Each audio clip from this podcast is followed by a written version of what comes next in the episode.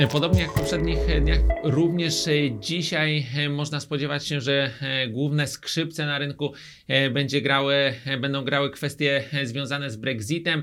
Wczoraj mieliśmy doniesienia medialne, że porozumienie pomiędzy Unią i Wielką Brytanią w takiej wstępnej formie, jeszcze dyskutowanej przez poszczególne unijne kraje, jest już praktycznie gotowe. The Guardian donosił również, że to porozumienie praktycznie byłoby wersją e, Brukseli, czyli e, utworzenia granicy e, celnej pomiędzy Wyspą Irlandzką a e, Wielką Brytanią. Wcześniej, co ciekawe, na to e, rozwiązanie nie zgadzał się e, rząd Teresy May. Przeciwko byli takiemu rozwiązaniu również ci twardogłowi, w cudzysłowie konserwatyści. Przeciwko temu rozwiązaniu była północnoirlandzka partia DUP, głównie ze względu na zaburzenie tak naprawdę integralności Wielkiej Brytanii. Czy rzeczywiście teraz rząd premiera Borisa Johnsona zgodzi się na takie rozwiązanie?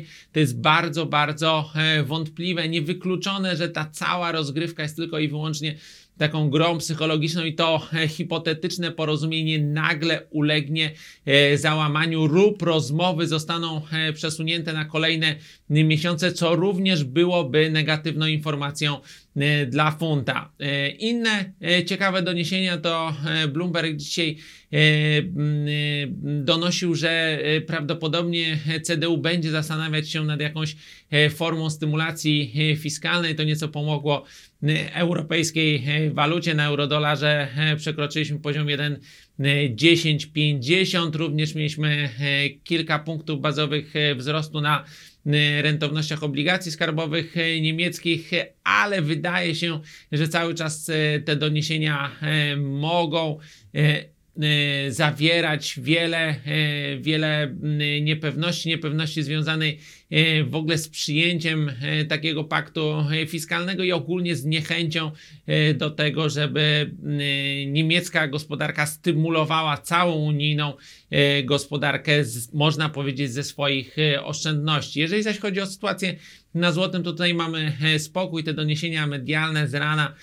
dotyczące opinii agencji Moody's o polskim e, defici- deficycie e, sektora finansów publicznych, o tym e, strukturalnym deficycie w okolicach e, 3% raczej nie powinny e, wywołać większego zaburzenia na kursie e, złotego. Te informacje są powsz- powszechnie znane.